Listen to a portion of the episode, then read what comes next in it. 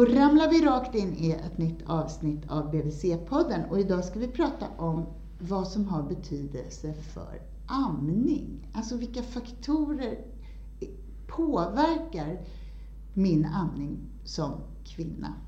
Vad är det som är viktigt?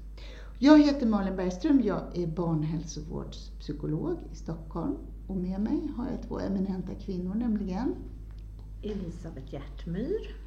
Och vem är du Elisabeth? Jag är barnmorska sedan 28 år tillbaka och barnsjuksköterska och tagit en internationell certifiering som amningsrådgivare. Mm -hmm. Mm -hmm. Och? Och jag heter Jeanette Björnell och är vårdutvecklare på barnhälsovårdsenheten och också barnsjuksköterska sedan många år tillbaka. Och hur kom det sig Jeanette att du blev intresserad just av amning? Ja, amning är ju ett jättestort ämne för oss som arbetar på barna, barnavårdscentralen. Och eh, alla är involverade i amning från början, från start när vi träffar den nyblivna familjen. Och när du säger alla så är det både mammor och pappor och ja. alla föräldrar? Ja, alla föräldrar. Och du då Elisabeth, varför blev du intresserad av amning? Alltså amning är så komplext och det handlar så mycket om vad är det för familj, vad är det för mamma, partner, barnets betydelse. Eh, och det är ju så spännande att på individnivå möta de här familjerna. Det var nog min första känsla när jag styrde in mer på amningen tiden efter. Och, för då tänker jag att vi kommer in ganska mm. osökt på det här med dagens ämne som mm. handlar om betydelsefulla faktorer. Mm. Menar du att amningsstöd är mer individualiserat än stöd som föräldrar får i andra, kring, i andra aspekter av föräldraskap eller med barnet? Nej, inte riktigt så. Fast det är så komplext med amning. Och det är lätt att både som vårdpersonal och som förälder, att man tittar lite enspårigt på att man kan känna som mamma att jag kan inte amma för att det är någonting som krånglar till sig. Eller att jag har inte tillräckligt med mjölk. Eh, Medan vi vet via forskning också att amning har väldigt mycket med barnet att göra också. Och mm. Barnets eh, temperament och personlighet och barnets eh, olika sätt att suga till mm. exempel. Mm. Munmotorik och vi lär oss mer, mer och mer hela tiden ju. Att barnet är en mm. betydelsefull faktor för en framgångsrik amning, eller en lyckad amning. Ja, och det handlar ju inte om att skuldbelägga barnet nu på något sätt. Det är viktigt att säga. Ungar som inte kan suga. Att det blir väldigt mycket nu barnet. Men på något sätt att, som nybliven mamma som du säger Jeanette, att, mm. att tänka sig in i vad är det för barn som har kommit till just oss? Mm. Det är ju mm. väldigt lätt att man jämför med varandra och så. Och det, det är ju svårt att göra eftersom alla barn är olika och alla mammor är olika, alla bröst är olika. Det, det är så många olika bitar. Men på något sätt har ju barnet en sån kapacitet redan från start. Och då kan jag känna att det är en bra sak för föräldrar att liksom känna och veta att barnet har sån kapacitet om man bara har grundkunskapen. Är det också Jeanette ett sätt att prata om amning som kan få en som mamma att sänka axlarna, att titta på barnet?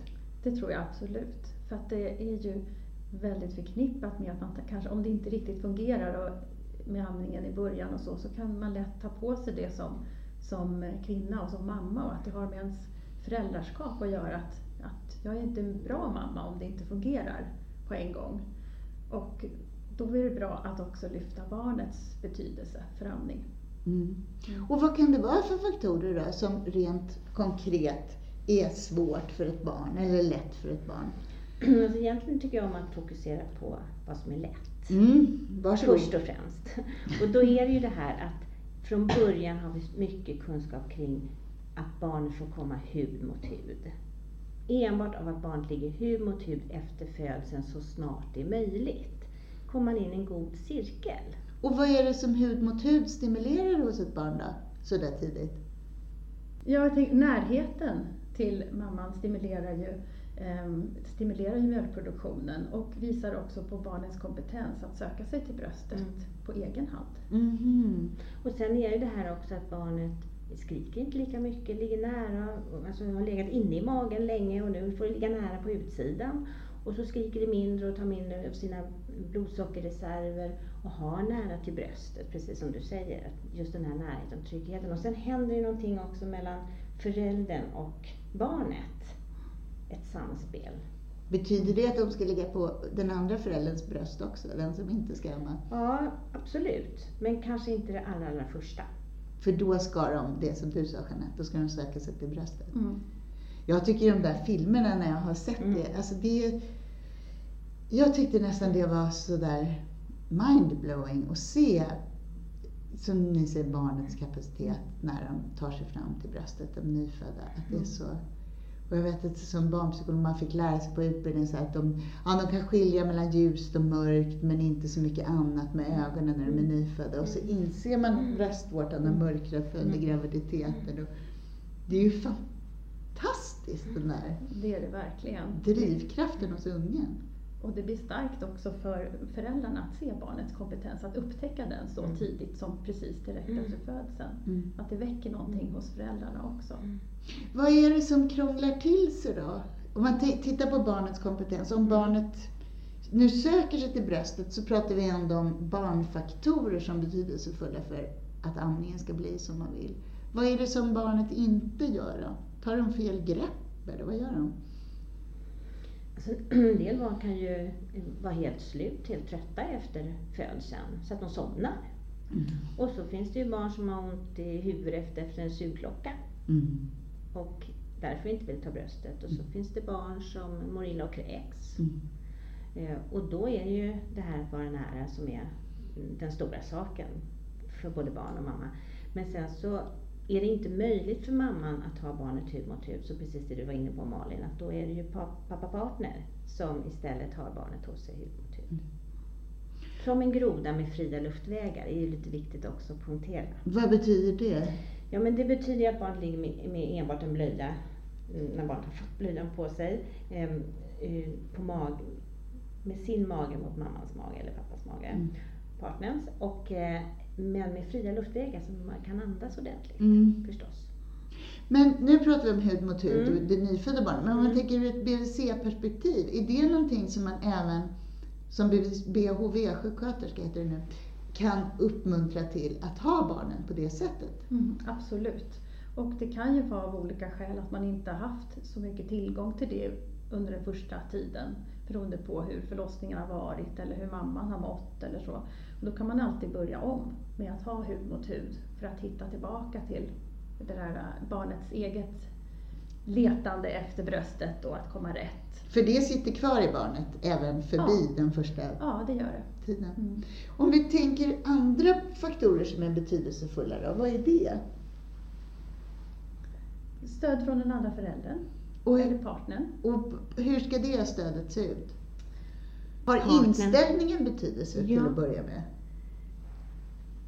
Ja absolut, att om, man har sett i studier också att där man får stöd från den andra parten i större utsträckning så ammar mamman under en längre tid. Så att det stödet som är det nära stödet ifrån en pappa eller Mm. partner har väldigt stor betydelse för tiden som man ammar. Betyder det att vi på BVC skulle behöva uppmärksamma, om, om föräldrarna inte har samma inställning till amning, skulle vi behöva uppmärksamma de olikheterna och få föräldrar att prata ihop sig eller få en pappa eller partner som inte som kanske tycker amning kan konkurrera med ens eget föräldraskap eller så, att bli mer stöttande. Det tror jag har stor betydelse faktiskt. Så att det är absolut, det är en sak som man kan göra som BHV-sjuksköterska. Jag tänker så här också, att på hembesöket till exempel så kan man som BHV-sjuksköterska också samtala kring det här med amningen. För då har ju båda föräldrarna varit med om det här föräldraskapet ett par dagar i alla fall. Och faktiskt börja känna in, vad är det som är besvärligt eller vad är det som känns jättebra eller vad är det som det är en otrolig omställning att bli förälder. Mm. Och att det kanske inte behöver vara så krångligt egentligen kring det här stödet utan att pappa-partners närvaro i amningen och faktiskt också viss kunskap kring att barn suger jättemycket i början. Det är deras sätt att stimulera till mer mjölk och Ehm, väldigt oregelbundna tider och vi vaknar mycket på natten och sover mycket på dagen och att föräldrarna faktiskt tillsammans kan liksom dra ner rullgardinen och krypa ner i sängen när barnet sover. Sådana saker är ju en stor omställning och det har ju med amningen att göra också. Är det någonting annat man ska tänka på som eh, sjuksköterska eller som överhuvudtaget professionell när man möter nyblivna föräldrar när man pratar om amning? Vad är viktigt i det bemötandet? Liksom? Du säger att man ska tillföra kunskap. Finns det andra grejer som är viktiga? Det jag hör mycket, det är att föräldrar upplever att de får väldigt många olika råd. Mm. Och det är ju all välmening och ofta en tanke på att det ska vara goda råd. Men när man sitter där som en nybliven förälder och får så många olika råd så kan det vara en väldigt bra sak för BHV-sjuksköterskan att börja med att fråga vad har ni fått för råd tidigare? Och vad är det för råd som har fungerat och vad är det för råd som inte har fungerat? För då liksom utgår man från just den familj som man har framför sig. Mm. Och deras kunskapsbas Precis. som en utgångspunkt. Ja. Liksom. Och vad vill de här föräldrarna? Mm. Vad tänker du Jeanette kring, jag tänker kring inställning kring amning. Är det så att i princip alla mammor som har fött barn vill amma i Sverige? Det är en väldigt stor del av mammorna som vill amma, de allra flesta. Inte riktigt 100 procent, men Mm. nästan 100 procent Mm. vill amma. Och av olika skäl så slutar man amma tidigare än vad man har tänkt sig. Jaså? Och vad beror det på? Ja, det finns nog många olika skäl till det. Några skäl är, de vanligaste anledningarna som, som föräldrar själva uppger, det är ju att eh, man inte riktigt tror att man har tillräckligt med mjölk, att det inte räcker. Och att det har varit en smärtsam amning. Kanske sår och såriga bröstvårtor och så. Ehm, Det är väl de vanligaste orsakerna. Och kanske ett bristande stöd också. Och det kan komma från lite olika håll. Både kanske från det nära men också från oss inom professionen. Mm. Barnmorskor och barn, barn, BHV-sjuksköterskor. Och det tänker jag ändå, är vi inte ganska amningsvänliga i Sverige? Är det inte väldigt sån amningskultur? Jo, det tycker jag nog egentligen är. Vi har ju väldigt hög andel som ammar och vill amma startar också amning under den första veckan. Men det är också så att eh, det är mycket som konkurrerar i samhället om våran tid och många är lite stressade kanske, att man inte ger sig tid, att allting ska gå snabbt, ska fungera på en gång. Som också kan spela in kanske. Att man inte liksom har en tolerans för att leva ut det där första böket för att sen njuta av det som bara sitter. Så kan det Ja, vara. precis. För en fungerande amning är ju ofta någonting som är ganska enkelt egentligen, när det har blivit så. Men det är ju en resa till att det blir så. Vad tänker ni då att man ska göra som BHV-sjuksköterska? Man har en mamma eh, framför sig som vill amma. Hur ska, jag, hur ska jag tänka kring, hur ska jag ge det här stödet? Just det du säger, det här att ge stöd till de mammor som vill amma, det är ju faktiskt nummer ett. Eh, Så det kan vi väl ändå passa på att nämna även eh, nu när vi pratar om amning, att det finns mammor som faktiskt inte vill amma Mm. och att de också får stöd i det valet. Så. Mm. Men sen också så kan det vara så att Får jag bara fråga Ja, dig Elisabeth, får jag, Mm. liksom, ska man vara snabb där? Som sjuksköterska eller som doktor eller vad man nu har för profession. Mm. Att backa om man hör att någon eh, inte vill amma? Eller ska man ändå ställa frågor kring det? Är det här ett informerat val? Känner du att du har den kunskap du behöver för att fatta det här beslutet? Eller vill du, Mm. vill du prata om det eller ska jag släppa det? Eller hur ska man hantera det? Alltså jag är ju åter inne på att hembesöket är ett väldigt bra tillfälle för att då är det ett lite längre besök och man är hemma hos familjen. Och är det då en mamma som säger att hon inte vill amma, då tror jag många gånger att man eh, kan ställa den frågan, en öppen fråga, bara för att ha berört det. Mm. För att det finns mammor som säger under graviditet att nej, jag vill inte amma den här gången. Om de till exempel haft en jobbig amning tidigare. Och så när det nya barnet kommer och ligger där på magen, och, ja, men då händer någonting. Mm. Så att det, det, det behöver inte vara...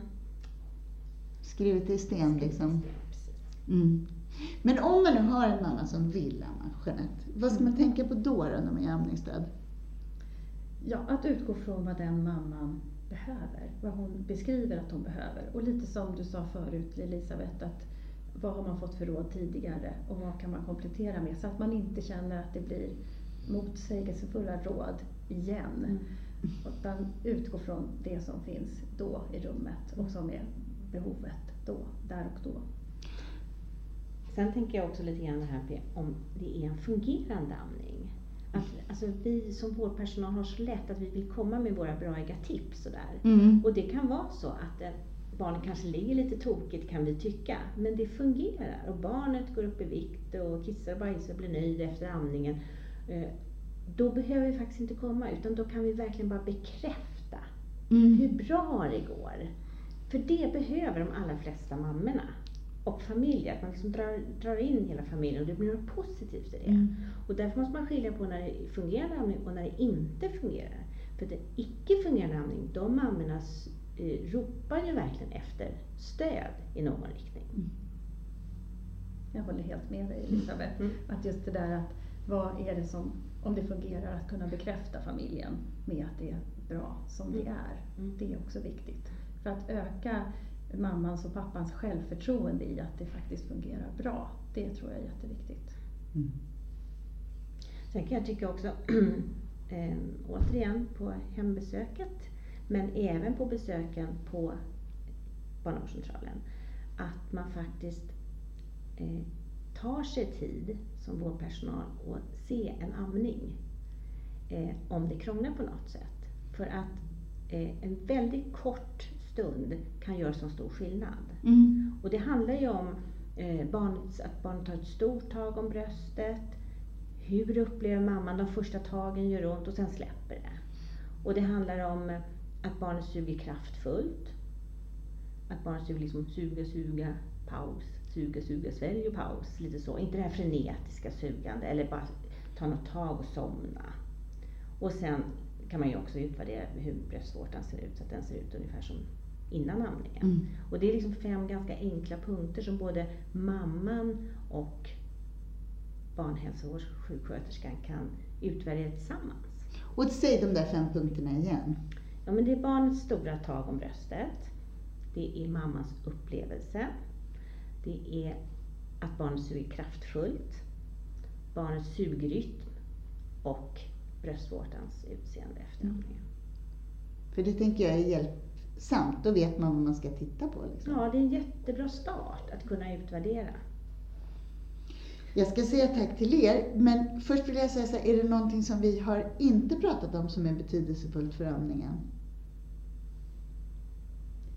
Ja, men alltså det jag någonstans vill säga till både barnhälsovårdssjuksköterskor men framförallt till mammor, det är att de lyssnar till hur det känns och respekterar sin upplevelse väldigt, väldigt mycket mer än vad mammor kanske gör många gånger mm. idag. Man utgår ifrån hur det borde vara, hur man borde känna. Ja, på något sätt. Mm.